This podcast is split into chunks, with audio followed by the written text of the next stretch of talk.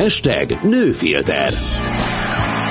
Nők filter nélkül. Köböl Anitával. A Spirit fm Get ready. A műsorszámot a Nutriverzum támogatja. Nagyon sok szeretettel köszöntöm a kedves hallgatókat és a YouTube nézőinket. Itt vagyunk a Spirit FM stúdiójában. A stúdióban pedig itt van mai vendégem, Dérheni énekesnő, édesanyja, feleség, és nem tudom, filantróp, ezt én mondom rá, aztán majd mondod, hogy igaz vagy nem, nem igaz. Sok szeretettel köszöntelek. Én köszöntök mindenkit, sok szeretettel. Szia, Anita. Azért mertem ezt mondani, mert képzeld el, hogy számomra is az interjúnkra való felkészülés során vált nyilvánvalóvá, hogy te például egy három diplomás nő vagy. És hogy én ezt nem, nem is értem, hogy ezt így, így miért rejtegeted eddig ezt az információt, mert ugye téged azért egyértelműen a köztudatban énekesnőként apostrofálunk, mind a mellett politológusi diplomád van. Igen. Ledöbbentem, ki foglak erről kérdezni. Másról is. Ö, egyszer, aztán van opera énekesnői diplomád, az is uh-huh. diplomának számít, és mi a harmadik? Segíts kérlek. Hát ö, kommunikációs médiatudomány szakon vagyok, közéleti kommunikátor, vagy szervezeti, várjál, most melyik vagyok? Közéleti vagy szervezeti, olyan rég volt. A lényeg az, hogy igen, kommunikáció médiatudomány szakon végeztem a Corvinuson. Az volt az első. Viszont akkor erre rá is harapnék gyorsan, mert akkor te aztán nagyon jól tudod, hogy mi kell a népnek, nem? Mert akkor legalábbis azt mondom, hogy az énekes... a kommunikátorit és az összeset összeteszem, akkor nem értem, hogy mit keresek itt? Igen, nem, viccelek. Tehát, hogy mm, fogalmam sincs, hogy Hát az első kérdésedre válasz az, hogy ezt miért rejtegetem. Abban az az igazság, hogy ezt a kutyát nem érdekli, legalábbis eddig ez derült ki. Nyilván most örülök, hogy itt vagyok nálad, és erről tudunk beszélni, de egyébként nyilván eddig sokkal inkább érdekelte a, a sajtót, vagy a médiát az, hogy magasított bugyiban vagyok-e a színpadon, és úgy adom elő a dalokat, vagy sem, vagy épp a, az exemmel milyen viszonyom van a jelenlegi párom, pedig mikor kéri már meg végre a kezem címszó, tehát hogy ezek nyilván sokkal inkább lekötik az újságírókat, mint az, hogy nekem milyen végzettségem van. Én pedig nem vagyok egy ilyen kérkedős típus, aki, aki azzal áll elő, hogy Na nem azért, de... Ha már itt tartunk. Mert szerintem ez nem erről szól, de, de igen. De amúgy örülök, igen. Viszont én szerintem meg egy átkozottul nagy pro érv az ember személyisége mellett, hogyha fel tud ilyet mutatni, mert mindig azt mondjuk, hogy az észt nem diplomával osztják, de ettől függetlenül azért főleg ilyen szakokat végigcsinálni, azért azt gondolom, hogy oda kellenek egyéb attitűdök és skillek is, csak hogy egy ilyen nagyon fancy szóval éljek, és akkor ebben a mondatban nem sok magyar szó volt egyébként, de majd visszatalálok az anyanyelvemhez mindjárt. Mit gondolsz? Az okos nő megrémíti az embereket? Biztos vagyok benne, és ebben maximálisan osztom azt az érvet, hogy igen, emellett állok. Lehet, hogy ezért nem is szoktam ez. Figyelj, egy igazi okos ember az nem szokott azzal kérkedni szerintem, hogy ő mennyire okos. És én ezzel nem azt mondom, hogy én okos ember vagyok egyáltalán. Tehát, hogy, sőt, minél többet tanulok, annál inkább jövök rá arra, hogy uh, mennyi mindent nem tudok még. De szerintem ez a normális, és és annál visszafogottabbá válok, mert, mert nem kell, egyrészt nem kell kompenzálnom, tehát én nem, nem érzem azt, hogy nekem mm, kompenzálnom kellene mondjuk az eszem agyam miatt, sőt, sokszor poénkodok, hogy amióta anyuka lettem, azóta annyi minden kifut az agyamból, hogy olyanokat felejtek el, hogy el sem hiszem. Másrészt pedig szerintem nem, ez akkor érdekes, mert ugye nyilván aki a színpadon lát engem, ott nem kell a diplomákat villogtatni, meg nem azért állok a színpadon, hogy én most ott politizáljak, vagy nem tudom, társadalmi elveket osszak, meg egyébként sokszor, hogyha mondjuk határon túli régióba lépek fel, akkor egy-egy konfomban meg megjelenik egy, egy ilyen hazafias buzdítás, de az szerintem emocionálisan ez így zsigerből érkezik belőlem de sosem szoktam erről beszélni, meg az a koncert az a szórakoztatásról szól. Viszont a cégem, a menedzsmentemen belül, a kiadónál, hogyha tárgyalok valakivel, akkor nagyon izgalmas azt, egyrészt két handicappel indulok ö, többszörösen, tehát hogy duplán ö, állunk az ajtóban. Egyrészt nőként kell leküzdenem a prekoncepciókat, másrészt pedig nyilván ez a van-e diplomája, és hogy mennyire okos, mert hogy csak egy énekes nőcske. Látom az emberek szemében ezt, amikor belépnek az ajtón, főleg, hogy hogyha... csupa előítéletekkel kell, hogy szembenézz, Abszolút. nem? Igen, de valahol ez egy kihívás is volt, mikor 20-as éveimben rendesen élveztem, és alig vártam, hogy bejöjjön egy ilyen magasabb beosztású cégvezető, aki mondjuk marketing szerződést szeretne velem kötni, bármilyen céggel kapcsolatosan, és leül velem tárgyalni, és már amikor mondta, hogy hát jelen lesz, akkor a Dérheni is itt lesz, akkor jó, jó, jó, jöjjön. És látom az arcán, hogy élvezem, hogy kellett mindig fél óra, nagyjából fél órát merek mondani, amikor úgy mindenki a helyére került, és látom, hogy az a kis, nem is tudom, ilyen szőkenőnek nézett énekesnőcske attitűd, az így hogy vetkőzi le magát, és kezd el engem tisztelni, mint embert. Na, ezt akkor megragadom. Az mind múlik szerinted? Tehát hogyan épített fel mondjuk egy, egy tárgyalási szituációban az egyébként nem szőkenős attitűdödet, most elnézést kérünk a szőkenőktől, de mind tudjunk, bár Nyilván. egyébként a mai PC világban már ilyet se illik mondani, de mind tudjuk, hogy miről van szó. Tehát ezt a butácskának ítélt attitűdöt hogyan tudod visszájára fordítani, és hogy ezt a tiszteletet ezt tényleg ki tud magadnak vívni? Hát semmiképp sem azzal, hogyha én elkezdem hangoztatni ott is, hogy nekem egyébként három diplomám van. Igen, gondolom nem kezdesz el politizálni se. Nem, nem, de teljesen normálisan és természetesen viselkedek, és amikor nyilván, amikor tárgyilagosan elkezdünk beszélni a konkrét projektről, akkor szerintem az azonnal kiderül. Tehát, hogyha van pár olyan kérdés, tudok-e egyáltalán az, hogy tud az ember kérdést feltenni, tud szakmai gondolatokat véghez vinni, vagy hogy ez hogyan működik egyik oldalról, pro, kontra, másik oldalról, egy-két ilyen mondatot megejt, és akkor van, volt egyébként olyan, hogy valaki kitért a jelenlegi helyzetre, mert elkezdett velem beszélgetni, és akkor arra reflektáltam, és akkor megint meglepődött, és szerintem így, így látom sokszor a, megdöbbenést, aztán így, így elkezdenek megnyugodni, és, és nagyon örülök annak, hogy van még most is egy pár olyan cég, akik, akiknél viszont már látom, hogy teljesen másképp más hangsúlya, más hangnemben hív fel mondjuk azóta telefonon, hogyha valamit szeretne. És ez jó érzés, de elmondom, hogy 30 felett például az se érdekel, hogyha valakinek prekoncepciója van velem szembe. Tehát, hogy már egy idő után, és ez megint jó az emberi tulajdonságaink közé tartozik, hogy nem kell már megfelelnünk egyébként senkinek, tehát most már nincs bennem ez a fajta kihívás érzés, hogyha valakivel tárgyalok, hát ha azt gondolja rólam, hogy hülye vagyok, akkor gondolja, ha azt gondolja, hogy énekesnőcske vagyok, tehát én nem szoktam ezt így mondani, akit érdeklek, akit érdekel a, a szakmaiságom, az életem, az utána jár, azzal abszolút jóban vagyok, de egyébként már nem, nem célom, hogy mindenáron mindenkit meggyőzzek, mert úgy sem lehet. Mert amúgy volt? Tehát volt Hogyne? olyan zászlódra tűzött Hogyne? elképzelésed, hogy te mindenre rá fogsz cáfolni, és az ellenkezőjét bizonyítod, hát és ez miből ered? Hát a legelső és a legfontosabb, ami, amiből ez az egész ered, az, hogy apukám felé akartam iszonyatosan megfelelni éveken keresztül, aki kicsi koromtól kezdve, és a szegény aput nem akarom bántani, mert imádom, szeretem, de hogy már annyiszor hallotta, hogy uh, szerintem többszörösen visszakapta tőlem, hogy úgy nevelt, és ezt nem rosszból tette, ő egyébként egy ilyen típus, aki abban, nevel, abban a zárt erkölcsi rendszerben nevelkedett, ö, abban a patriarchális társadalomban, mondhatjuk így, hogy, ö, hogy a férfi a továbbvivő név, családnév továbbvivő, a gazdasági építő, és a nő pedig nyilván a klasszikus értelemben vett család, fészek alapító, aki a gyerekek körül van ott, és hát nem igazán kap nagy feladatokat gazdasági szempontból. Tehát a nő apukám szavai szerint az oldalborda. Uh-huh. súlyos mondatok, szavak ezek, de hát van ilyen társadalom, és ő sem tehet róla, hisz ő is így nevelkedett. És hát ő többszörösen visszakapta ezt a sorstól, mert két lánya született, és, és közben pedig azért én is kaptam, és a hugom is, tehát nekünk nagyon nagy feladatunk volt ezt leküzdeni, hogy hogy ne akarjunk mindenáron neki megfelelni, mert természetes volt, hogy én mindig be akartam neki bizonyítani, hogy kislány létemre én igenis ügyes motorversenyző leszek, nem tudom, ügyes szerelő, én mindig bütykölni akartam apa mellett a kis cangámat, hogy akkor ő büszke legyen rám, hogy én férfi is nagyon jó lennék. Akart ő egyébként titeket, vagy akár téged fiúsítani?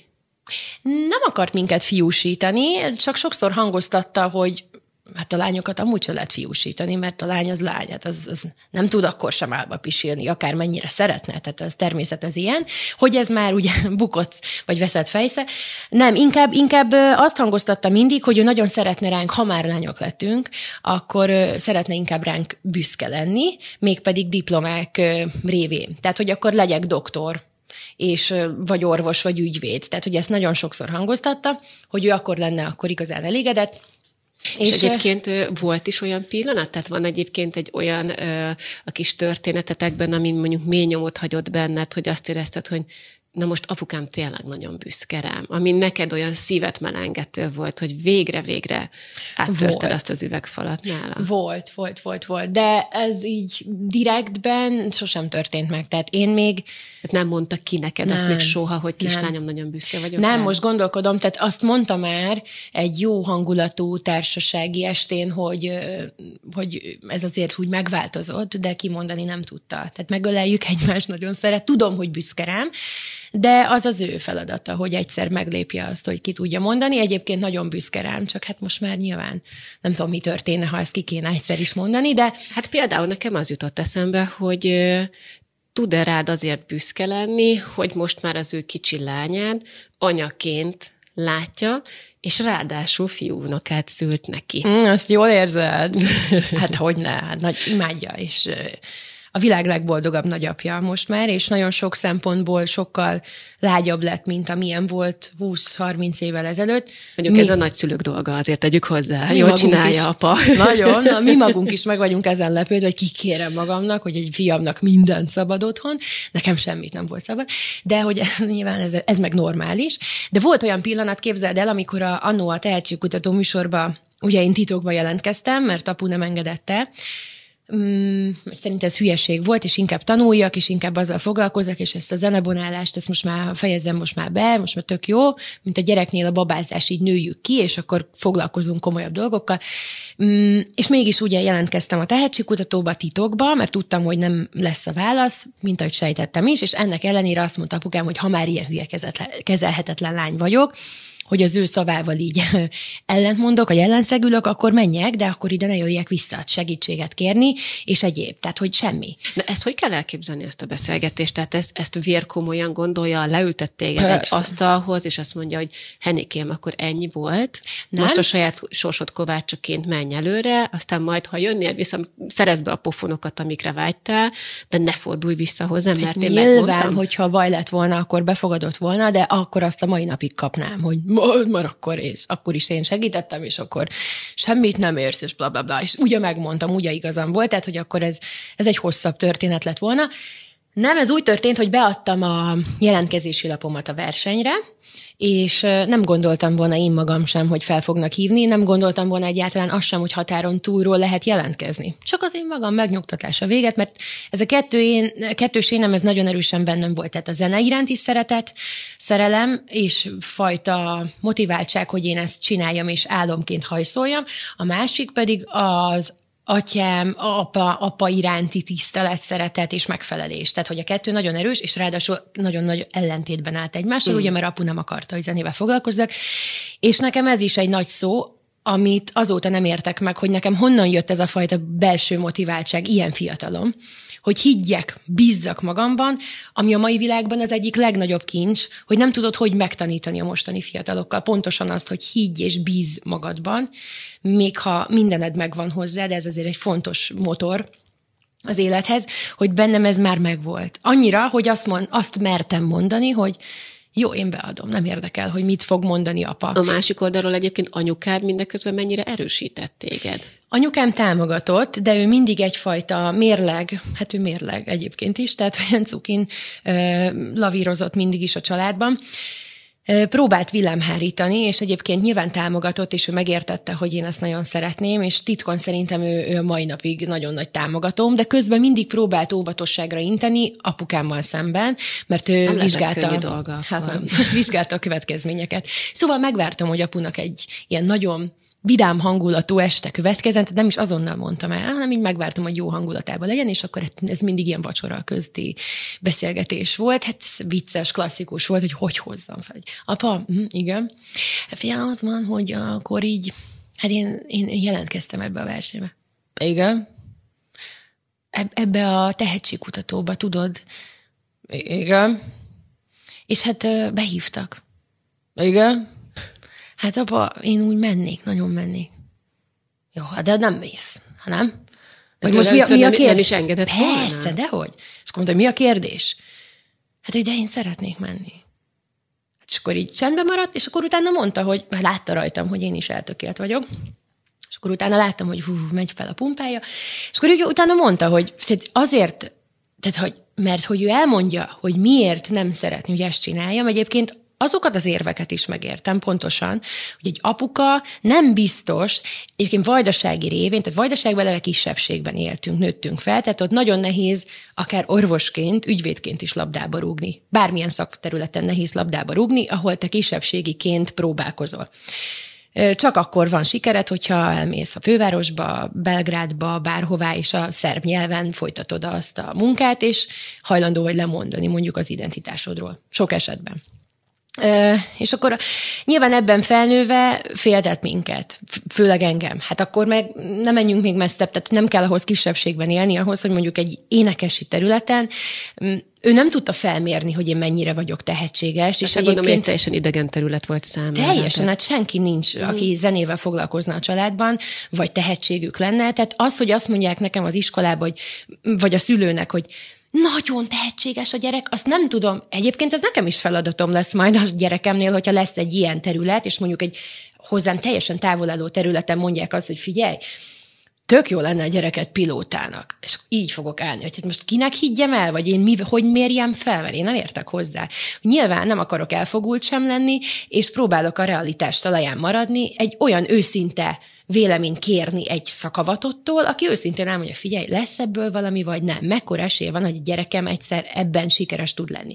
És hát nyilván apukám is megkérdezte, és hát senki nem tud garanciát mondani, és mondja, hát nem tudom, hát figyelj, az van, hogy egy nagyon tehetséges, de kisebbségi közegben vagyok, és azt mondják, hogy egy tök szép hangja van, de hát az, hogy ebből most mi lesz, hát azt mi honnan tudjuk. De hát akkor még nem volt tehetségkutató. Annyira, akkor... annyira érdekes és izgalmas batyut hozol magaddal. Az, Tényleg. mert, szóval, mert hogy, hogy... rengeteg kérdés van, tehát Így. ezt az egész uh, karrier témát, ezt meg is tudnám fordítani, és el tudnám mondani a másik végletből is, ahogy egyébként az átlagember hozzááll, hogy igazából nem is értem, hogy miért lett belőlem bárki. Mert lehetett volna fordítva is. Tehát annyi szegmens és tényezők közre kell, hogy játszon, de a legfontosabb, amit mindig kiemelek, az a motor, amit mai napig tényleg nem tudok, hogy honnan, honnan indítottam be magamba, tizen egy-két évesen, és azóta az megállás nélkül, mint a szívem úgy jár és működik. Én egyébként abban hiszek, hogy, hogy, hogy van az emberben egy, egy olyan eleve elrendelt hit, én ezt nem tudom másképp megfogalmazni, és a szó tényleg legpozitívabb és legkerekebb értelmében, ha önmagadban hiszel, ha az álmodban hiszel. Ezt hogyha, mondjuk. Tehát, hogy én, én, én akkor is azt gondolom. Ez nagyon jó, ezt mondjuk, és ez lenne szerintem a normális. És ez a cél, hogy mindenki így gondolkozzon. De nagyon-nagyon sok esetben, főleg a mostani fiatal társadalmat nézve, látom azt szomorúan, hogy nincs bennük hit nincs, nincs bennük egy olyan erős identitás, nincs bennük egy olyan erős értékrend, ami, ami olyan gyökeret adna az ő hitükben, ami vinné őket előre. Hát ha csak azt nézem, hogy mit zajlik egy online társadalomban, ahol ezek a fiatalok szocializálódnak, borzasztó.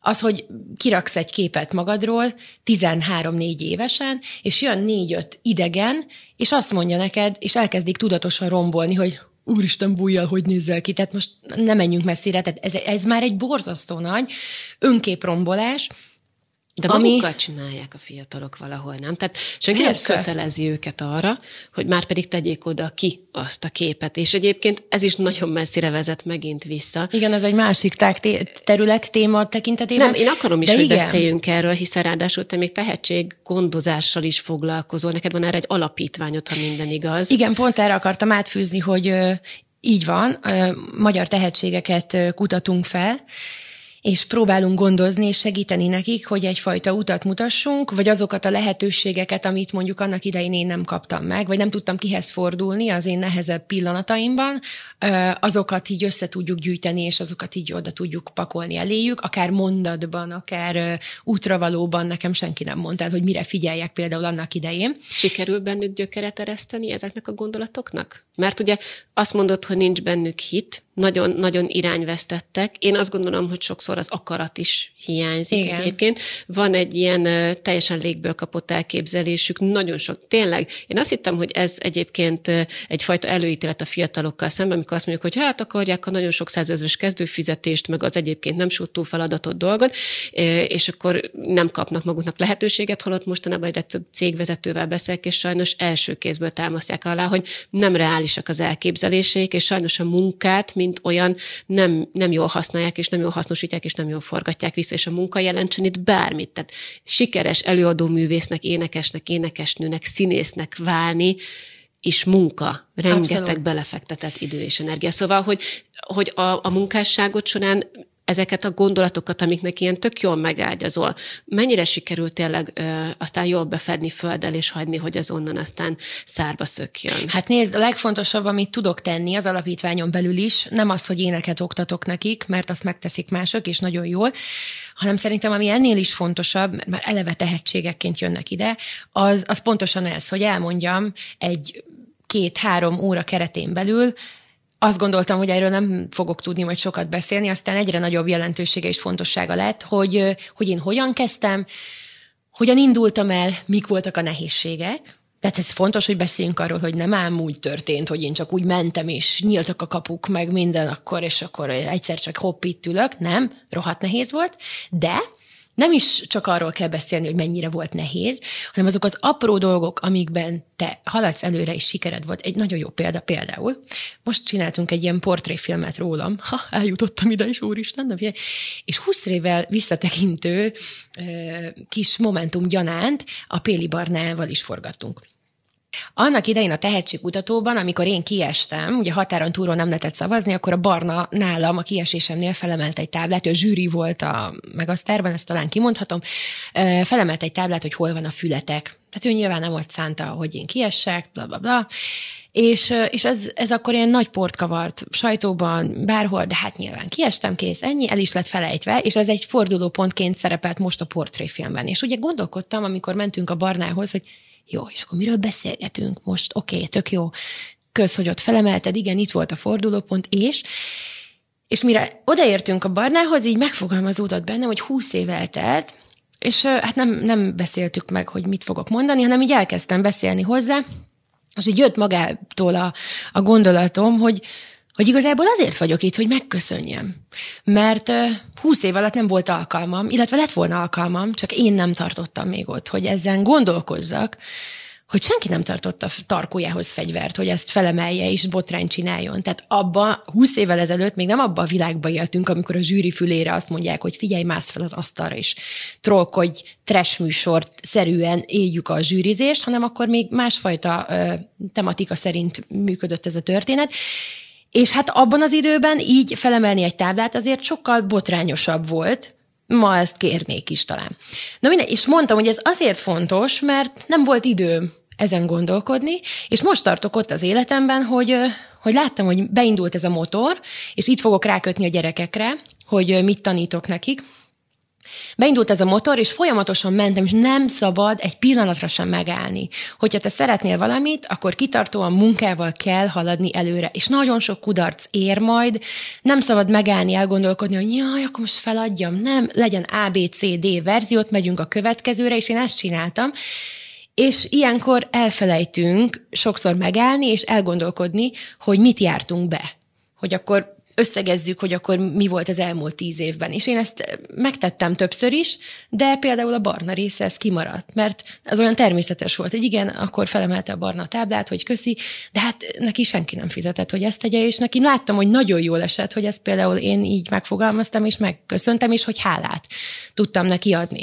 A mindennapokban azért nem mindenkiről készül portréfilm, hogy mondjuk erre lehetősége legyen egyrészt, másrészt meg egyébként talán egy picit ki is kényszerítse belőle, hogy elgondolkozzon ezeken a dolgokon, de ha már a fiataloknál tartunk, és egy picit úgyis ezzel az anyosságodra is rá szeretnék csatlakozni, de maradjunk a mai kor gyermekeinél első körben, tinédzsereknél. A, ők, mert azért az előbb úgy nyilatkoztam ugye a, a hallott információk alapján, hogy ők hogyan állnak a világhoz, de hozzád milyen információk jutnak vissza tőlük? Mit szeretnének, ami esetleg nincs nekik nincs rá lehetőségük, vagy úgy érzik, hogy hiányzik ahhoz, hogy ők akár sikeresek legyenek, vagy bátrabban merjenek előrébb menni, vagy mit látnak problémának adott esetben a mai világban, amivel meg egy kicsit se... őket tudjuk segíteni? Hát a probléma leginkább az, hogy meg se tudják fogalmazni, hogy mit szeretnének, és ez talán leginkább a saját önbizalom hiányukból fakad. A globalizált világgal egy időben és az online médiának a megjelenésével, vagy a térhódításával egy időben alakult ki ez a probléma. Pontosan azért, mert mert még nem született meg olyan szigorú szabályozás mondjuk az online ö, közösségi oldalakra, ami most már egyébként egy feladat, és most már kezd működni, hogy ne legyen ilyen online shaming történet, ne legyen bántalmazás, abúzió egyébként az interneten, ne lehessen felelősség nélkül valakibe beleállni, ne lehessen arc nélkül ö, felelőtlenül ö, véleményt mondani, osztani, lehessen, de akkor legyen annak következményed. És nyilván az online tér az egy ilyenfajta erdő volt, amiben el tudtak bújni az emberek eddig, és most már egyre nagyobb teret hódít, egyre messzebb mennek, nyilván a problémák következtében, és ez egy különálló problémává vált, és ennek lettek az áldozatai szerintem a mostani fiatal generáció, amire egyébként nagyon oda kell figyelni, fel lehet őket erre készíteni, de ebben már nem is biztos, hogy teljes mértékben én vagyok a szakavatott. Én nyilván a saját szakterületemen tudok erről példát mondani, mert nyilván engem is bántanak kőkeményen, csak hát én már felnőttként, ismert emberként másként próbálom kezelni. A kezelési mód egyébként tök hasonló. Tehát azt kell megtanulniuk, hogy ez, ez egy álvilág, ez nem egy valóság, ami, ami egyébként nehéz, mert ha, ha nekem, akinek van egy magabiztos határozott énem, öntudatom, tudom, hogy hogy nézek ki, tudom, hogy mik a határaim, tudom, hogy milyen ember vagyok, tudom, hogy mit hoztam ki magamból maximumként, vagy meddig tudnék még eljutni, azt egy tinédzser pont nem tudja, és pont a gyökereknél, vagy az alapoknál kapja már azonnal a sérülést, tehát hogy rájuk külön jobban, sokkal inkább oda kellene figyelni. Másik pont pedig, bocsáss meg, mindjárt befejezem, csak pont, ebből, csak örömmel hallgatlak. pont ebből a, a problémából fakad fakadóan ugye azt látják, nem látják az életutat. Tehát azt látják, hogy, hogy az interneten, az online médiában, akár egy TikTokon, tehát ha, ha te ügyes vagy, és jól csinálod, jól forgatod a szavakat, vagy elég hülye vagy, vagy vicces vagy, akkor egyszer csak lesz 300 ezer követőd, most mondtam valamit, és abból te már komoly dellákat tudsz félretenni, és ez egy cél lett a fiatalok számára, mert teljesen testhez álló, hiszen mindenki ezzel foglalkozik. És ez is egy hamis dolog, tehát sokszor én magam is egy influencer vagyok, de nem influencer ből lettem énekesnő, hanem énekesnőből lettem influencer is, és azért a kettő nem ugyanaz. Tehát, hogy a munkát akkor sem lehet elkerülni, hogy azt megágyazzuk, hogy annak legyen egy értéke, hogy te valamiért utána akár reklámért pénzt tudj kérni cserébe. Bár egyébként a privát véleményem az az, hogy sokszor mm, sajnos a média csinál olyan emberekből példaképet ennek hatására, akik mögött amúgy tényleg nem látom a tartalmat, és a mai napig nem mondok nevet, mert valószínűleg akkor adnék egy újabb bulvárcikk alapot ennek, hogy van egy-kettő, aki elgondolkozom, hogy rendben, de, de ő, ő, ő kicsoda, és mit csinál, és mi az az érték, amit képviselt, mert nálad azért tényleg könnyebb az ember dolga, hiszen tudja, hogy énekesnő vagy, Igen. és azért ehhez párosik. Én is még azt mondom, én műsorvezető vagyok, nem elsődlegesen influencer, de ma már mindenki, aki jelen van a közösségi oldalakon, valamilyen értelemben influál formál, tehát hogy véleményt formál, hatással van a fiatalokra, és ebbe kéne szerintem valahol tényleg nagyon-nagyon rendet tennünk. De, és azt mondtam, behozom az anyasságodat is ebbe a dologba. Szerinted a szülőknek hol van ebben a komoly feladata, mert az a nagyon nagy helyzet, egy kicsit helyzet szerintem ez szülőként, hiszen mi már nagyjából benne vagyunk, de azért még mindig tanuljuk a digitális világnak a, a rendszereit, a lehetőségeit. Sokan még egyébként, akik még a mi szüleink, nagy valószínűség szerint nem is értik, és nem is sejtik, hogy ez a globális rendszer, ez tek, hogyha valahova csak egy valamiféle félmondatot oda büfizek, és negatíve hat, az egyébként hány ember látja ki, mindenkit ér mit gyűrűzhet belőle tovább, és ezeket most tanuljuk mi is. Tehát valahol a gyermekeinkkel együtt kell tanulnunk ezt a dolgot, de akkor is ott van azt gondolom benne a szülői felelősség, nem? Hogy ne lenne?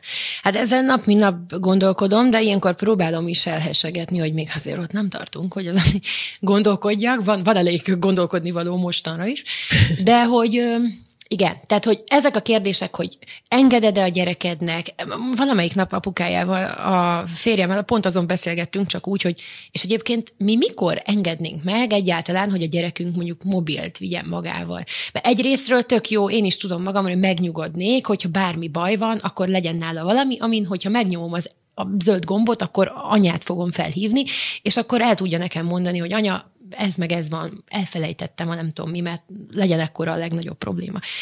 De ugyanakkor meg miért kell? Nekünk se volt. Tehát, hogy igen, ott van ez a kettősség, Hozzáteszem, hogy abban a világban nem olyan világot éltünk, mint most, tehát akkor simán el tudtam sétálni öt évesen a boltba, hogy vegyek magamnak jégkrémet, és még ki is fizettem a kis pénze, nem vertek át, nem ütött el az autó hazafelé, tehát hogy működött ez a rész. Most már azért ilyet el meghallasz, tehát azt hallom, hogy valaki Kievtől bentebb egy háborús helyzetbe 11 éves kisfiúként 800 valahány kilométert megtesz gyalog a szülei nélkül, akkor azt mondom, hogy azt hogy?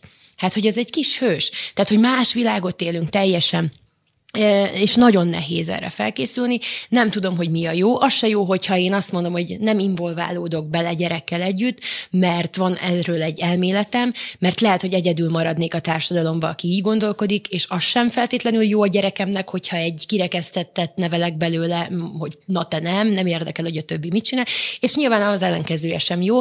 Tehát majd való, valószínűleg folyamatosan tájékozódni Én azért mondom, hogy ez egy folyamatos tanulás nagyon nehéz. is, de ehhez viszont kell egyfajta nyitottság, és nem is Igen. nagyon észnél kell lenni. Tehát, Igen. hogy nem tudok mást mondani, hogy rendkívül tudatosnak kell, és szerintem ezt a szót, ezt még sokan csak ízlelgeti, mert Igen. szeretjük dobálni, de az a pont, az a személyes történet, amit az előbb elmondtál, hogy, hogy felismerni életeseményeket, annak a hatását, az eredményeit, az ok-okozatot odáig eljutni, az egy komoly, komoly munka saját magunkban is egyúttal. Viszont amit te hozol magaddal batyut, akár apukádon keresztül, vagy apukád által, az, hogy vajdasági magyar vagy, az, hogy átjöttél ide, és gondolom, hogy nagyon-nagyon sok mindent hátra kellett hagynod az akkori életedből.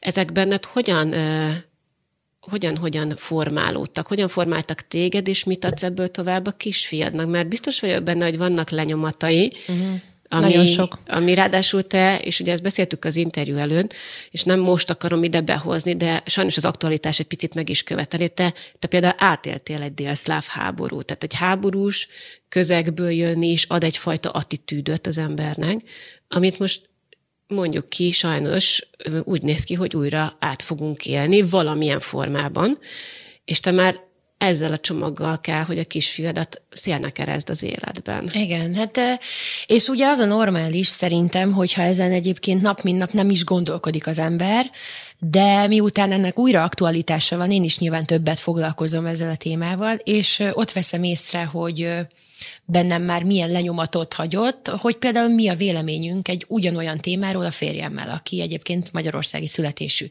És hogy ő, ő miben látja másképp a helyzetet, és én hogyan állok hozzá. Én például már... Összecsomagoltál már gondolatban? Ő meg nem, nem, Én, már a, én már a helyeket néztem a térképen, hogy hol lesz majd érdemes letelepedni, hogyha, és nem értette, hogy hülye vagyok.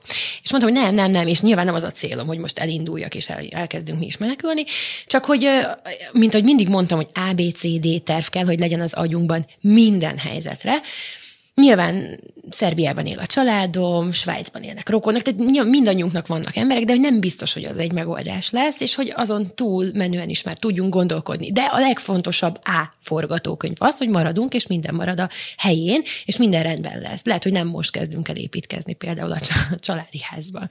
De, de hogy ezeket nem pessimista gondolatokként szánom mindig a férjem felé, mert ő néz rám ilyenkor, és azt mondja, atya világ, tehát hogy semmi probléma, nyugodj meg, hát lemegyünk holnap a boltba, és még mindig ugyanúgy van kenyér. Mondom, igen, és nem is ilyen vészmadár szeretnék lenni, csak tudom, hogy mit mondok, tehát tudom, hogy nem akarok utolsó pillanatban majd kapkodni. Amit, amit viszont abból a háborúból hoztam, és, és eddig ezen nem gondolkodtam, és ugye most az aktualitásokkal vált számomra világosá, hogy nagyon hálás vagyok a szüleimnek, mert most jöttem rá, hogy ők mennyire zseniálisan tudtak abban a helyzetben minket ebből kivonni. Tehát érzelmileg. Én például akármikor megkérdezte valaki, nyilván nem volt sokszor téma, mert erről valóban nem akar az ember beszélni, egy olyan embernek, aki nem élt még át háborút, mert nyilván nem fogja átélni.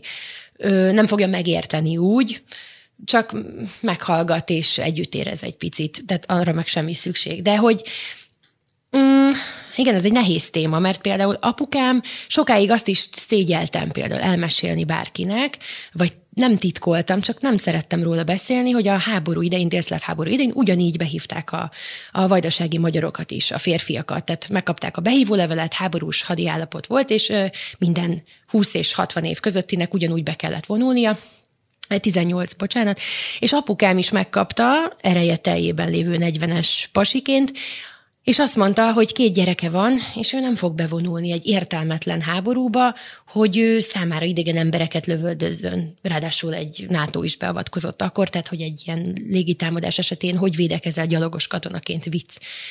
És ezért ő bujkált, és egy hétig a nagyszüleimnél aludt össze-vissza. Én, én nem is nagyon tudtam dolgokat, tehát így nagyon szépen volt ez tálal, hogy apa most egy pár napig ott lesz a nagyszülőknél, de anyukám ilyen mosolyogva mondta el. És az volt a szerencsém, hogy nem éreztem azt, hogy milyen apa nélkül egy háborúban lenni, de közben meg látod, szégyeltem elmondani, mert azt gondoltam, hogy ezáltal majd azt fogják mondani, hogy gyáva apám van, vagy nem elég hazafi, mert hogy ő elmenekült. És most jöttem rá, hogy tökéletesen igaza volt, hogy ebbe nem kell részt venni, mert akaratán kívül a frontra küldték volna, nyilván a kisebbséget elsőként, hogy legyen egy golyófogó tábor, mint ahogy történt is. Mm. Másrészt, Súlyos szavak egyébként nagyon, ezek, és, és ez így is volt. Egészen és más vállalom. abból az aspektusból hallani, hogy igen. ezt tényleg a saját bőrödön tapasztaltad, át még egykor kisgyermekként. Igen, igen, igen. A másik pedig az, hogy nem értettem, hogy amikor kérdezik, hogy hogy éltem át, akkor mind meséltem, hogy igen, volt légériadó, ugyanígy két óránként, vagy hajnalba volt, akkor, amikor mentek vissza a vadászgépek, akkor megint volt légériadó.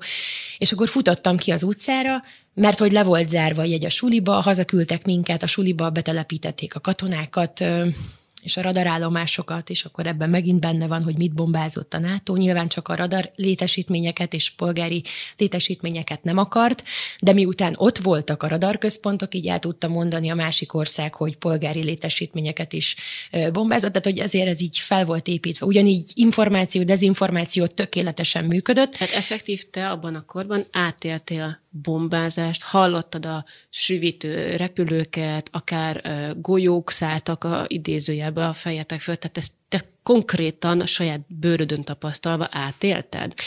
Vagy Csan... tudtad, hogy valahol tőletek nem messze. Tőlünk 20 kilométerre kapott uh-huh. Szabadka és Palics is több bombát.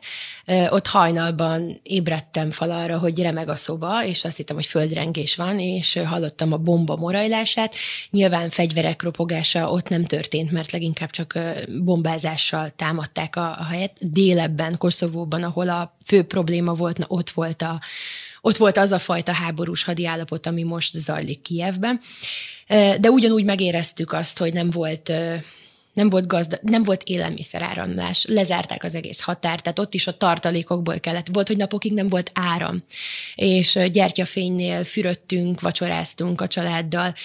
Anyukám elkezdte a húsokat a mélyhűtőből kipakolni és ásni el, hogy ne romoljon meg, mert nem volt áram, nem tudták lefagyasztani. De hogyan emlékszel ezekre az időkre? Mert ami nekem, nekem kaland volt. Ezt akartam mondani, hogy ez gyerek Tehát nekem ez olyan volt, mint egy ilyen durva kiképző tábor, de a tábor szó jó értelmében, igen, és ezt is szégyeltem, hogy bakker, ezt hogy mondjam most úgy el, hogy ez, ez nekem miért más sír, és gyászol, és elveszíti a családtagjait, és nem mondom, hogy ez vidám időszak volt, mert nagyon sok lemondással járt, de, de nem úgy éltem meg. Na, és ez a lényege, hogy miért akarom megköszönni most a szüleimnek, mert most jöttem erre is rá, hogy újra egy ilyen aktualitás van, hogy már én is anya vagyok, és nyilván másképp látom a dolgokat, hogy zseniálisan megoldották azt, hogy ők egyébként a gyerekek előtt erről nem így beszéltek. És közben anyukámmal nap mint nap most tartom a kapcsolatot, és mondta, hogy persze, hát gyomoridege volt, hát sírt éjszakákat.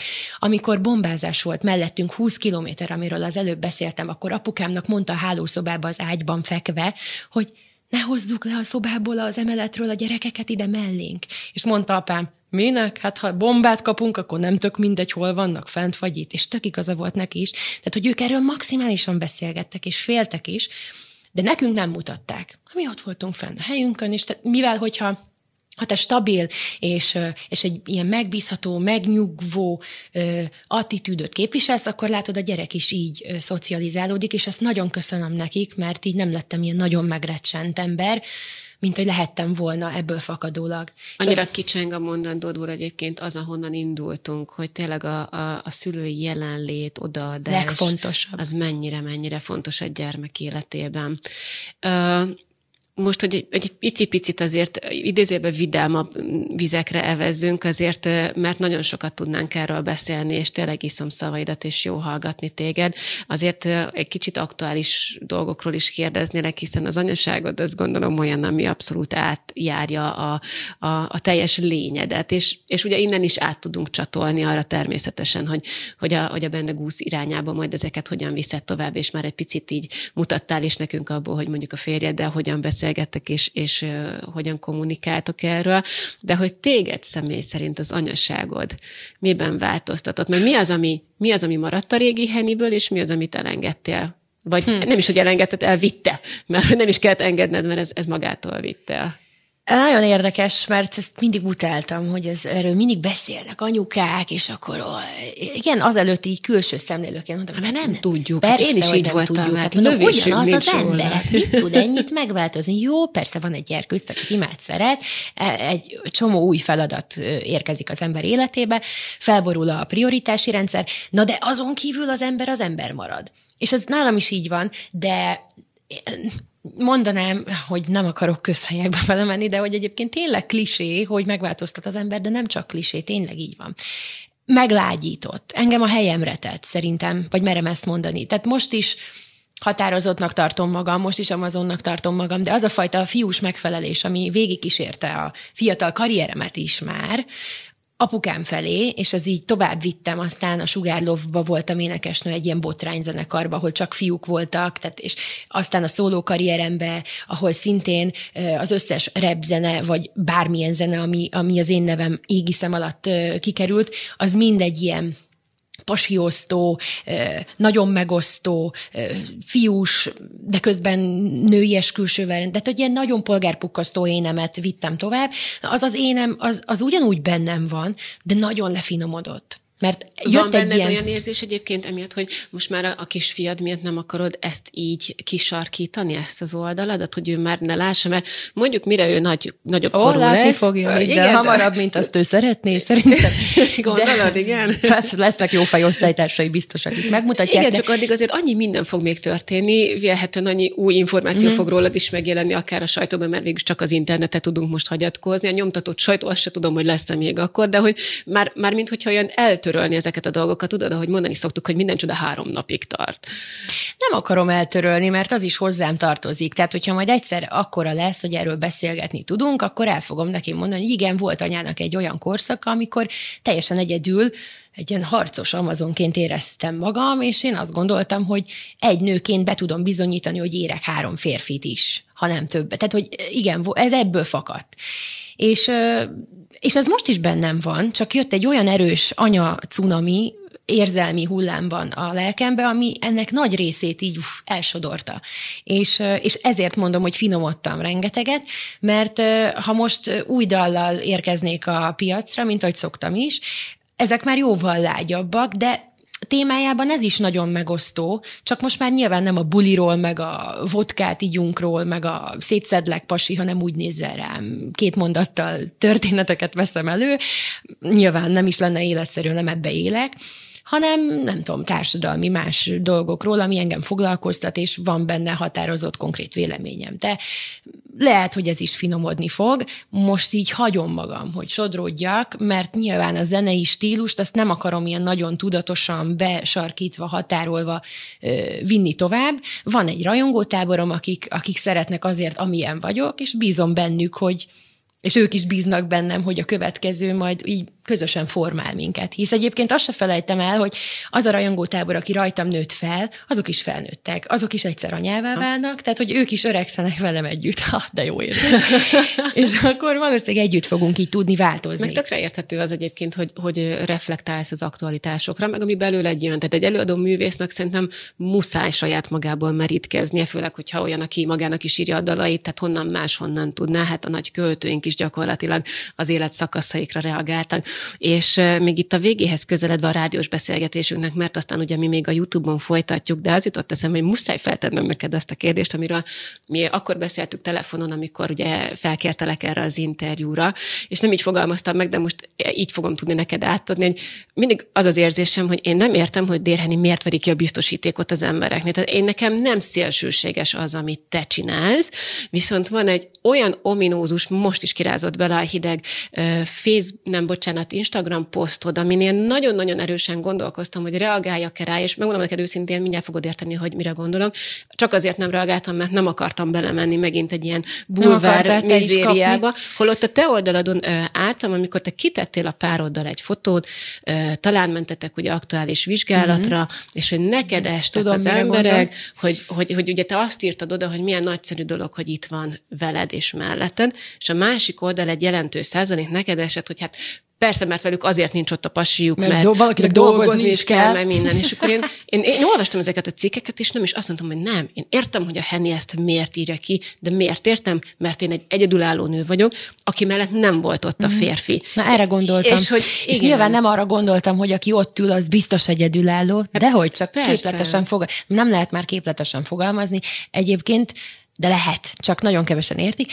De mivel, hogy... mivel, mivel vágott ki szerinted sokszor a biztosítékot az emberek? Őszintén? Na. Szerintem azzal, hogy nem kesergek, nem vagyok nyomorult, nem mondhatom el azt, hogy nem tudom, apa nélkül halálos betegen nőttem fel. Nem beszélek ezekről a problémákról, mert úgy lettem nevelve, hogy akár mennyire éltem át egy háborút, például, Látod, erről nem nagyon szoktam beszélni, vagy hogyha beszélek róla, nagyon figyelek arra, nem miattad, nem a közönség vagy a hallgatóság miatt, magam miatt, és talán ez a legfontosabb, hogy ne lehúzzam magam egy múltbéli dolog miatt, hanem keressem meg azt a pontot, amiből ez engem épít.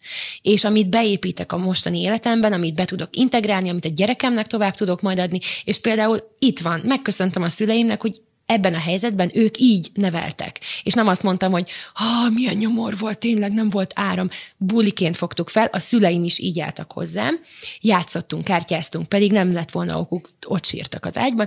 Tehát én ugyanígy élek, és sosem panaszkodom, mindig a jó dolgot, a pozitív dolgokat próbálom nézni ebben a, a történetben, és szerintem az emberek ezt látják, hogy rohadtul boldog, rúgjunk már bele ez sok, sok embernél ez kiveri a biztosítékot. Már ez a tudat, hogy valaki kiegyensúlyozottnak érzi magát, a helyén érzi magát, még akkor is, ha nem vagyok a helyemen. Tehát, hogyha, hogyha én meg tudom magyarázni, hogy mit miért tettem, és nem tudom, elmondanám, hogy három diplomám van, na, akkor most mi legyen? Tehát, hogy van egy olyan típusú ember, aki, akinek könnyebb a sárban fekvő társába kapaszkodni, és ugyanúgy ülni a sárban, na, itt van a Józsi, ő is ott van a sárba, és mekkora, mert ő velem van, ő ért engem, mint kimászni abból, és követni valakit, akinek sikerült. Most azért a YouTube nézőinknek egy kicsit könnyebb helyzetük van, mert bizony benne, hogy ők, ők nézik így folyamatában a beszélgetésünket, és sajnos csak a rádióhallgatóknak kellett úgymond a, a, a megszakítanunk az interjút, és a szavadba vágnom, hogy ott vége, de itt azért mi folytatjuk ezt, szóval, hogy hogy amit te mondasz, az egy nagyon érdekes hozzáállás és mentalitás egyúttal, hogy tényleg a, a földön fekvőbe, ha belerúgunk, akkor nekünk talán kevésbé rossz, vagy talán annál jobban érezzük magunkat, de hogy ezt valahogy annyira jó lenne most már kimosni a gondolkodásunkból, nem? Tényleg mindig nagy tragédiáknak kell ahhoz globálisan történnie a világunkban, hogy egy picit változtasson a gondolkodáson. Egyáltalán változtat. A Covid-nál nagyon sokan mondták azt például, hogy ez tök jó, mert van a rendszernek magának egy kis öntisztító ereje, hogy most ketté válik, mint az óló nyele ugye a társadalom, és lesz, aki elkezd gondolkozni magán. Nagyon kevesen vettem észre. Én is azt gondolom. Tök, tök optimista hozzáállás volt, én sem vettem észre feltétlenül. Volt, de szerintem aki így gondolkodik, az, az nem szólalt meg hanem, ez így, ja, hanem ők így megbeszélték otthon maguknak, mert miért kellene megszólalni, de a végén már azt éreztem, hogy annyira nagy volt a másik tábor, hogy ha senki nem szólal meg, akkor elnyomják azt is, aki eddig próbált normálisan gondolkodni. Na mindegy, ott, ott egy kicsit kétségbe estem, hogy hű, ekkora tényleg a probléma, nagy a kilátástalanság, nagy a kiábrándultság, nagyon, nagyon sok volt a csalódottság, fájdalom, STB, STB, de hogy nem az a megoldás, hogy akkor egymásnak esünk. És, és nekem például nem azért, mert én csak a saját magam dolgát, hát én is látom a híreket, én is látom, hogyha valakinek nagyon nagy sikere van, nagyon sok pénzt keres, nem tudom, nekem az nem tud fájni. Nekem nem tud az fájni, hogy én most vegyem, összeszedjem magam, és akkor elkezdjek írogatni, hogy na de, és vájkálok az ő életébe, hogy miből van, miért van, miért látja így, nem, nem tud érdekelni, vagy azt mondom, hogy az igen, hát akkor majd én megcsinálom másképp, ahogy én szeretném, vagy ha látom, vagy, vagy pedig ugyanúgy, ha tetszik, akkor hajrá, menjünk utána. Tehát, hogy ez, én, én mindig így gondolkodtam, és nyilván a legfontosabb, hogy ezt hogyan lehet kezelni, mert ez, ez szerintem sokkal fontosabb, mint az, hogy látjuk, hogy ez van. Ugye nem csak mi, ismert emberek kaptuk a, a savat, vagy én akár, adott esetben többszörösen, bármit is tettem ki. Tehát a végén már szegény kisfiamnak kitettem a kezét szerintem, és már arra is tudtak cikkeket gyártani.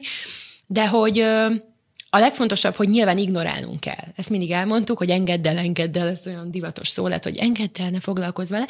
De tényleg van az a szint, amikor már azt vettem észre, például most az aktualitásokhoz kötődően, nem tudom nem témába hozni, Nyugodtan. én egy hétig nem posztoltam most, hogy kitört a háború, mert úgy éreztem, hogy nekem aztán rohadtul nem fogok vele segíteni, hogy kiteszem a galambot a békegalambot, vagy, vagy kedves szavakat, vagy egy gyász profilt, vagy bármit, mert én nem akarom ezzel felhívni magamra a figyelmet, engem is felhívtak a médiákból, hogy nyilatkozzak, én, mint aki átélte, de pont azért nem akarok, mert aki átélte, az annak az, az vicc, az egy bohózat, tehát te, aki egy tök jó országba élsz, te majd innen megmondod, hogy mennyire sajnálod őket, hát lótúrós, ne, egyáltalán nem csendben vagyok, és csendben imádkozom értük, vagy teszem a dolgom, és segítek, amiben tudok.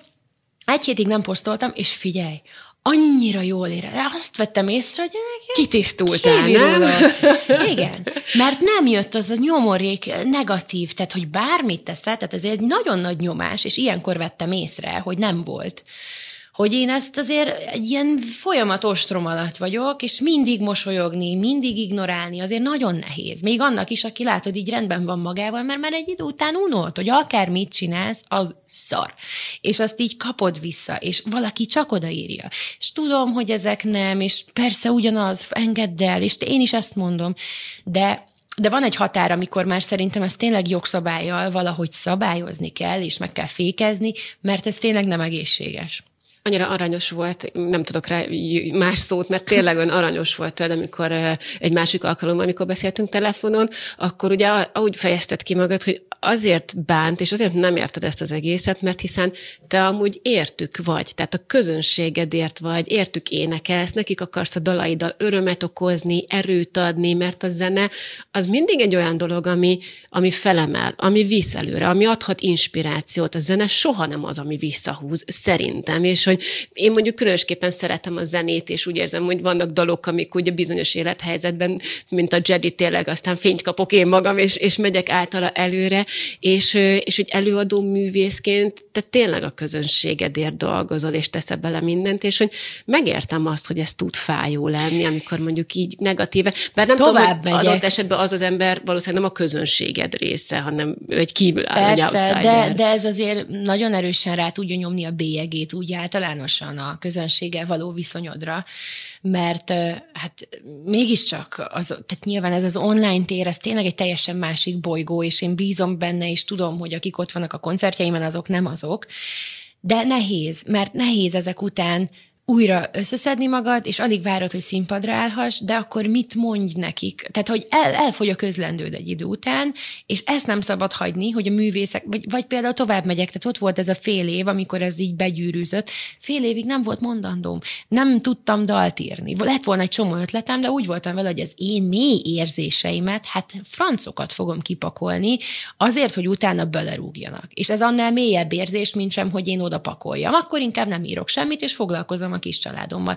Tehát, hogy de ez sem jó, mert ezzel meg ugye azt érjük el, hogy mindenki begyűrűz, és mindenki bezár a saját kis kuckójába, és a művészi értékeket is így lenyesegetjük, és, és minden, ami eddig virágzott, azt így, igen, tehát a virágzó faágakat így elkezdtük leszórni, és meg, megnyesni minden szempontból, és mindenki egy ilyen kis kopárba álltott magának, de ez meg nem vezet célra. Tehát, Igen, hogy... nekem egyébként azért fájó az, hogy, hogy olyan emberek, akiknek amúgy lenne mondandójuk, mint neked is van. Nagyon sok, tehát annyira örömmel hallgatlak most Tudod, itt az milyen? Ez olyan, órában. mint amikor a, a tinédzser először szerelmes az életébe, és jövünk mi, hogy Jaj, hát úgyis elmúlik. Úgyse ő lesz, hagyjad már, ja igen. És ez, re, van ilyen típus, én már láttam ilyen típusú embert, a repesve szerelem, és ott van a pillangó a gyomrába, és alig várja, hogy írjon, és nyilván megmosolygod, mert hisz emlékezetből tudod, hogy te is ezt csináltad, lehet, hogy már most nem ezt csinálod, de ő hadd élje meg azt az elsőt úgy, ahogy ő azt szeretni.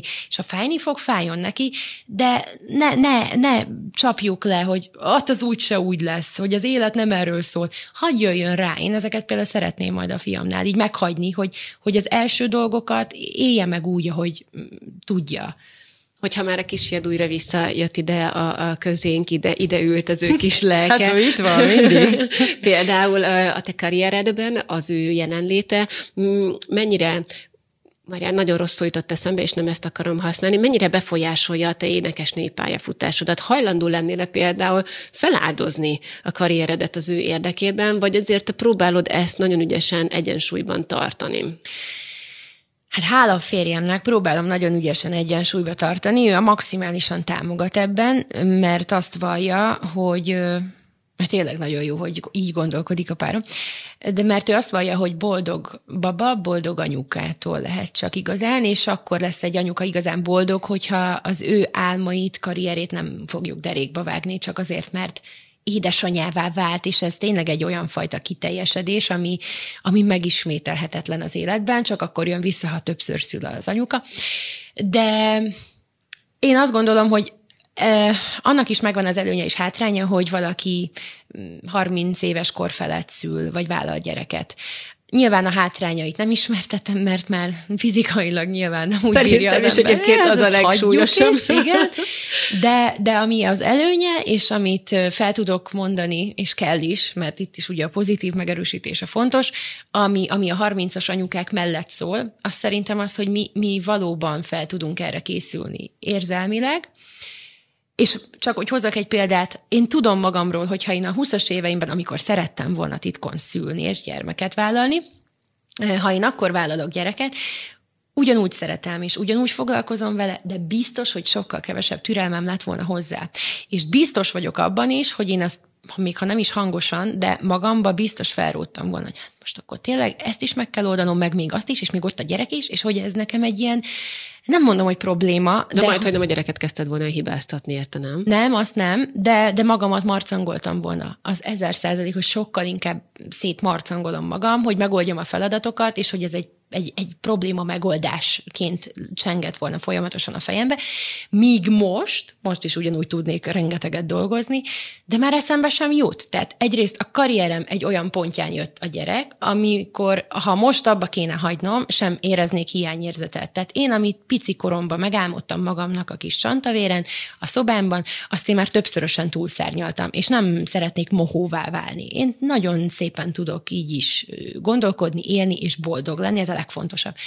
De hogyha még van arra is lehetőségem, és, és a gyerkőcöm is hagyja, mert nagyon jó természetű baba, hogy ebbe belefér az, hogy én valamennyit dolgozzak, és az egyfajta másabb impulzus az életemben, ami szerintem szükséges egy anyukának, hogy kapjon, mint hogy most te is itt ülsz, és egy kicsit dolgozol, és kapsz egy külső behatást, ami, amitől nem leterheltebb leszel szerintem, hanem Sőt, kiegyensúlyozottabb is. Csak feltölt. Kell. So, soha nem gondoltam volna azelőtt, hogy én bemegyek a munkahelyemre, és tudom, ilyenkor darálógép a napon, mert megpróbálok mindent egy napra pakolni, hogy apukának ne kelljen annyit segítenie.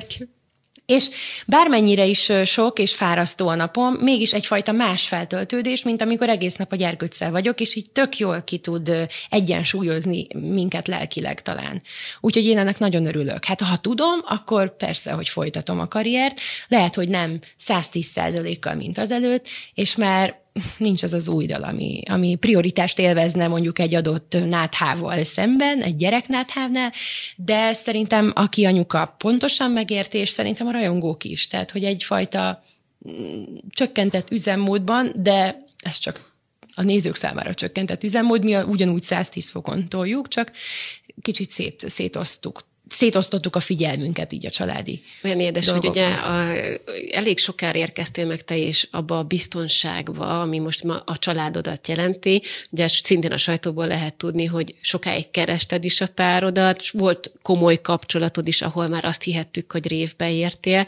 Ö, aztán utána volt egy kisebb szüneted is, ha jól emlékszem, amikor úgy nagyon szeretted volna már, már talán, majd mindjárt kijavítasz, ha nem így van, de kétségbe esettem megtalálni a párodat. Lehet, hogy ez a belső óra hajtott téged, Igen, hogy az anyaság az, az, az megtörténjen. Akkor követtem el a legnagyobb hibáimat. Egyébként kétségbeesve senki ne keressen partnert, a legnagyobb baklövéseket. De az, akkor- az milyen hibát jelent? Rosszul választottál, gondolom, Nagyon, valamilyen értelemben. De mi, mi, hogy választottál? Vagy kit választottál akkor? Hát nem, ha nem, nem, is nevesíted, nem, csak... nem szívből választasz, vagy nem várod meg, hogy érkezzen, akkor így mindig kitalálod. Ha én, én mindig tudatosan akartam keresni. Hát ha, ha ilyen nem, akkor a homlok egyenest a más, és akkor fű, én azt gondoltam, hogy ott közel a 30-hoz, ott, ott már nem lehet hibázni, mert az ember sok mindent látott. Hű, hajaj, de hogy nem. De még csak akkor lehet igazán nagy hibákat követni, főleg, hogyha van egy ilyen valódi belső nyomás a kisagyunkban, hogy van egy biológiai óra. Pedig tudatosan én már arról is lemondtam. És én azt elkezdtem hangoztatni saját magamnak is, hogy én, én nem szeretnék gyereket vállalni, csak azért, mert a társadalom megköveteli. Hát miután láttam, hogy mi, micsoda baklövéseim vannak, és hogy hát már őszintén nyilván mi emberek azért, hogyha már az első, második találkozásnál nem érezzük, hogy ő azért potenciális apajelölt, vagy férjelölt, akkor az már vezet fejszer. Abból már azért tudok egy lesz. másik példát mondani. Figyelj, én nagyon szépen, én ilyen, Jó, ilyen jó. mondatot még sose fogalmaztam be, de nekem életem legnagyobb baklövése volt a legjobb döntésem. Mert itt van a kislányom. Szóval, Mhm. Igen, hogy ezt nem lehet igen. tudni, és ezt most Ez így jól. van. E, Abszolút benne van, de hogy, de hogy nálam pedig már eljutottam a baklövéseim sorozata következtében arra, hogy na jó, de hát én csak azért, hogy gyerkőcöm legyen, én biztos nem fogok vállalni egy eleve veszett fejszével egy életet.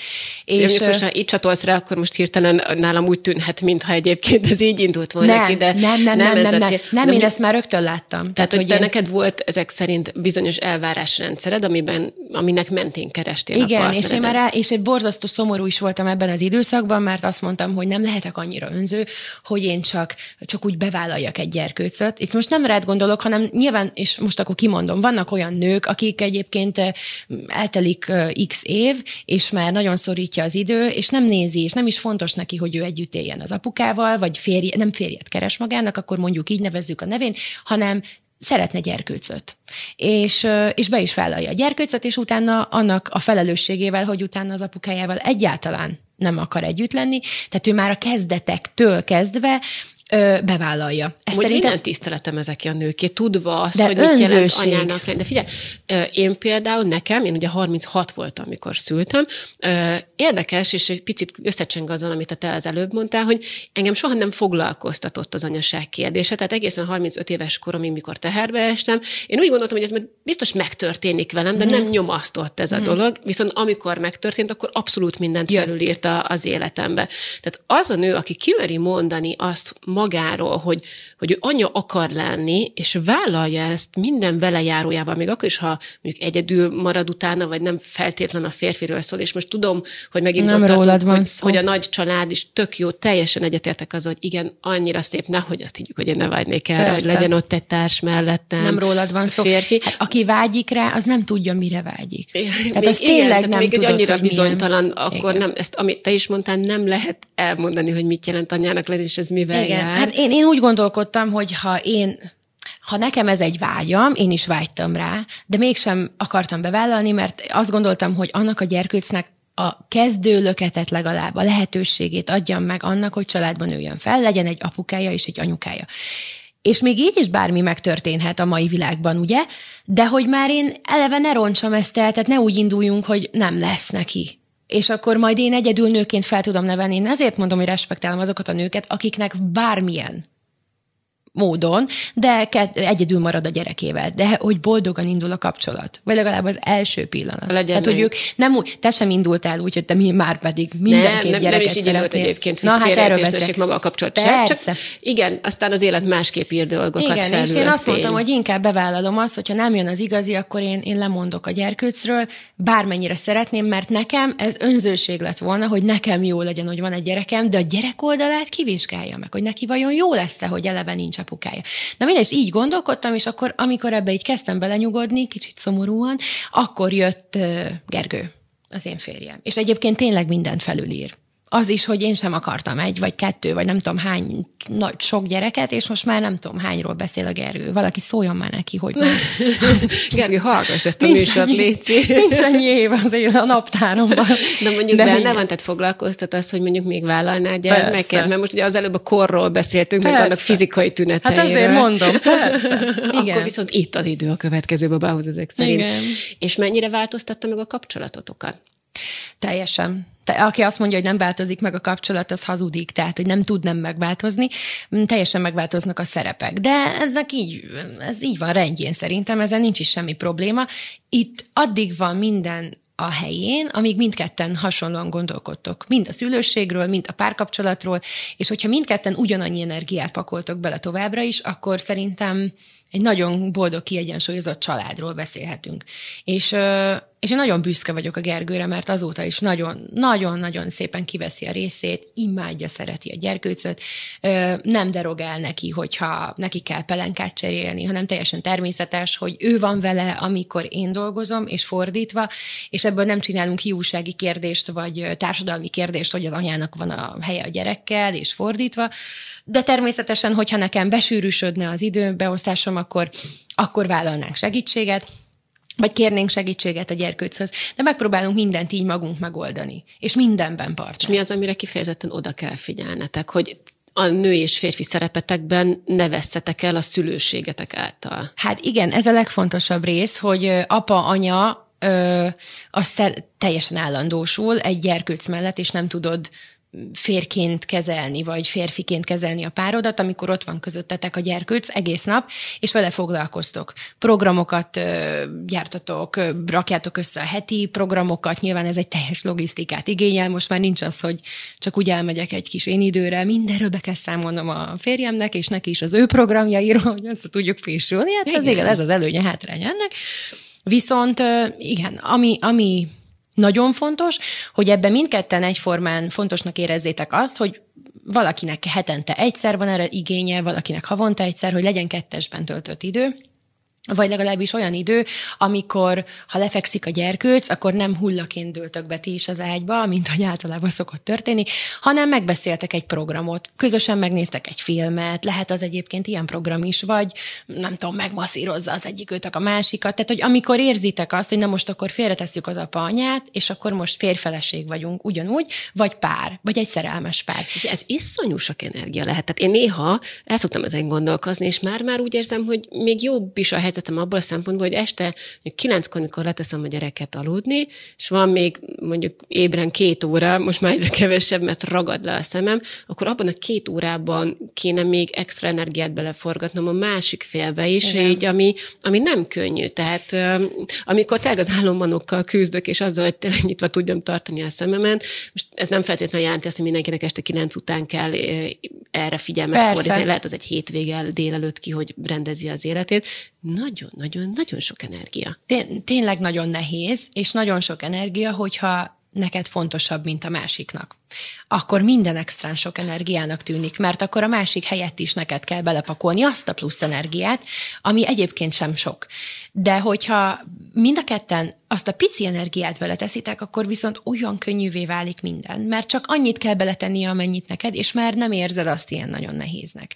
Ö, és nem feltétlenül kell mindig este, tehát azt is megbeszéltük, már volt olyan próbálkozás, hogy jó, akkor nézzünk meg egy filmet, és én a második, szerintem a főcímnél már, már aludtam, a Melkosának férjemnek, tehát, hogy lehet ez bármilyen program, lehet ez egy közös, nem tudom, bevásárlás, vagy egy kávézás is, akár, ahol megbeszélitek a heti programot, ahol megfoghatod a kezét, tehát ahol van egy pici, egy percnyi pillanat, amikor úgy néztek egymásra újra, mint, mint férfi és nő. Ez fontos. Muszáj megkérdeznem ezen a ponton viszont, hogy van segítséged, mert gondolom, hogy a szüleid még most ott vannak vajdaságban, tehát nincs az, hogy egy utcára laknak, vagy akár csak egy megyével odébb, és tudtok tőlük segítséget kérni, de ma és egyébként számomra ez döbbenet, hiszen egy olyan, nem is tudom, múltból jövünk, ahol egyébként generációk éltek együtt, ahol egyébként dadusa volt a családnak, ahol az anya le tudta adni a gyereket, hogy foglalkozzanak vele, vagy a másik oldal, ahol mentetek ki együtt a, a szántóra, és, és kaszáltatok, és nem tudom, ment a munka.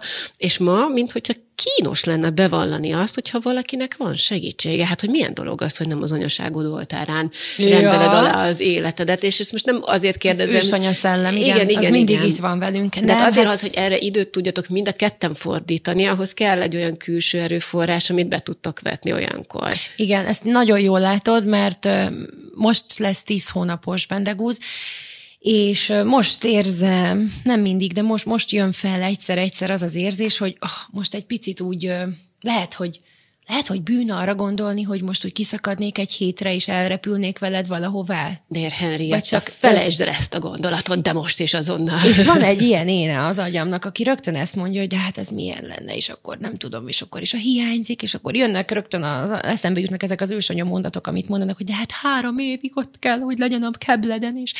Na mindegy, de ez tök jó, és hozzátesz, és iszonyatosan jó érzés, csak tényleg kell az a töltődés, amit nem biztos, hogy egy edzés meg tud adni, vagy az apukával való kontextusom teljesen más, hogy ne az legyen a, a, a témánk, hogy légy kevert be a, a gyerek kajáját, melegítsd meg, addig én nem tudom, tisztába teszem, tehát hogy ne ez legyen a kommunikáció, hanem legyen egyel bensőségesebb, egyel intimebb, amikor tényleg egymásra tudtok figyelni.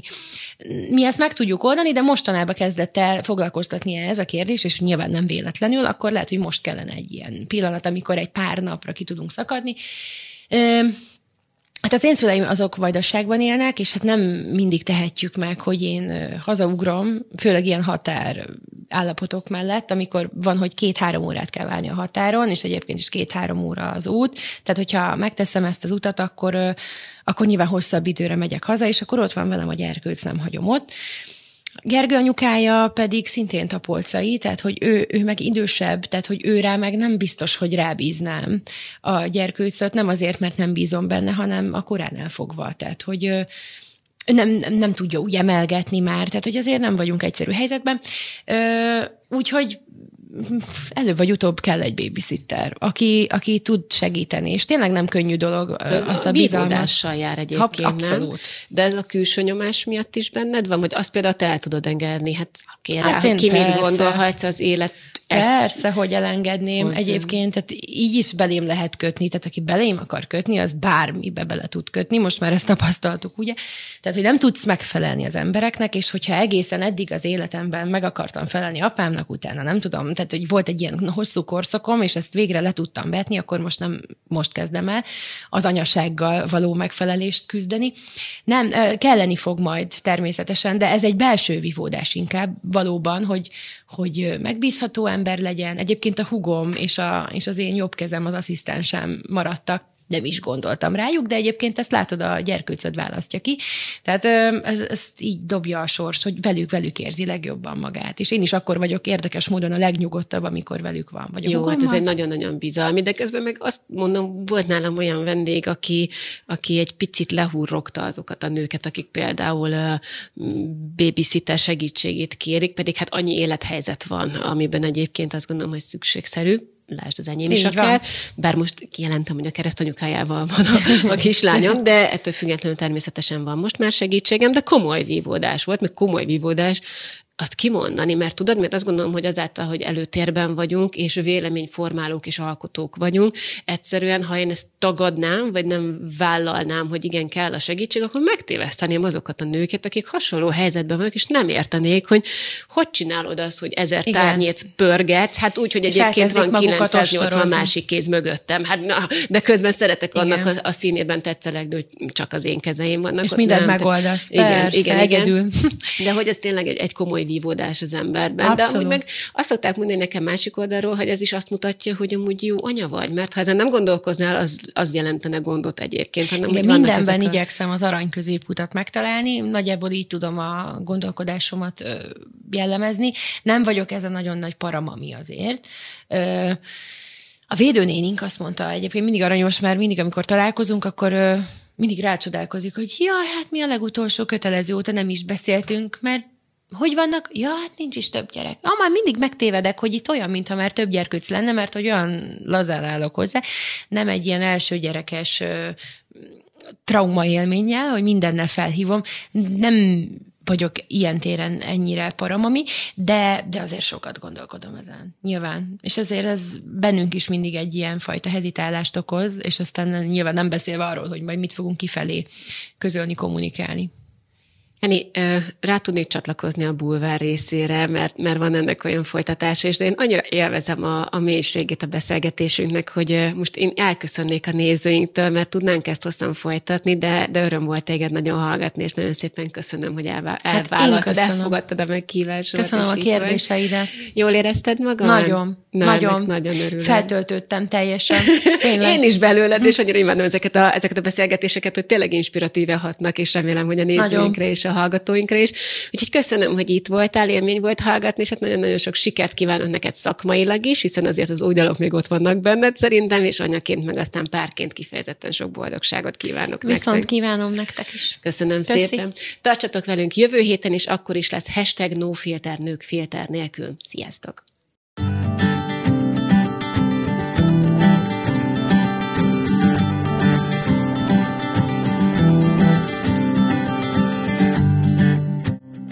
A műsorszámot a Nutriverzum támogatta. A képi anyagot a Schnittman Pictures készítette.